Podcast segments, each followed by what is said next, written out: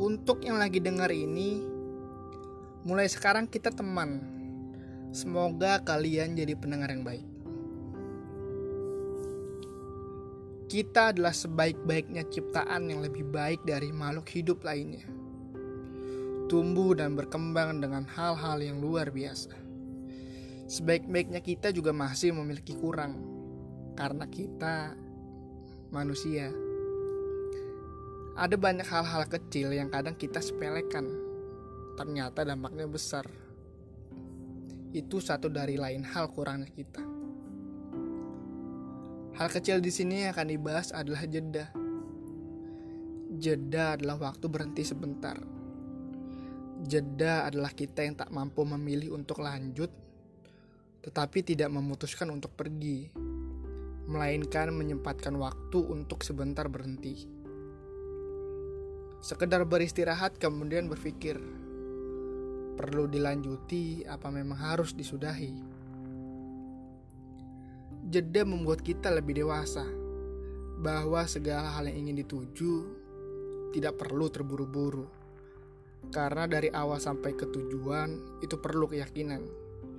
Jika tidak maka akan sangat berantakan.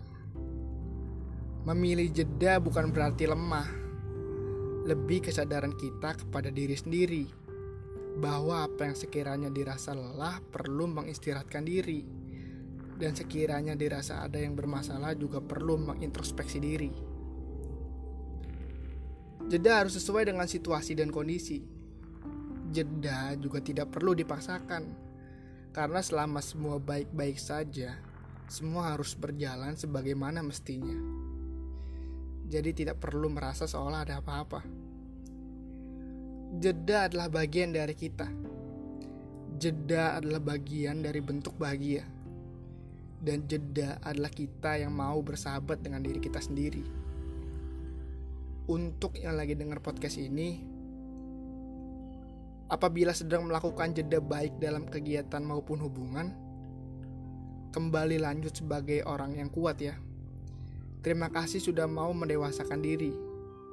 Semoga kalian lebih berani dan lebih baik lagi. Jeda hanya berhenti, tidak maju ataupun mundur. Jadi, jeda bukan untuk penyelesaian. Selepas jeda, ada yang harus diselesaikan. Entah perlu dilanjuti atau memang harus disudahi.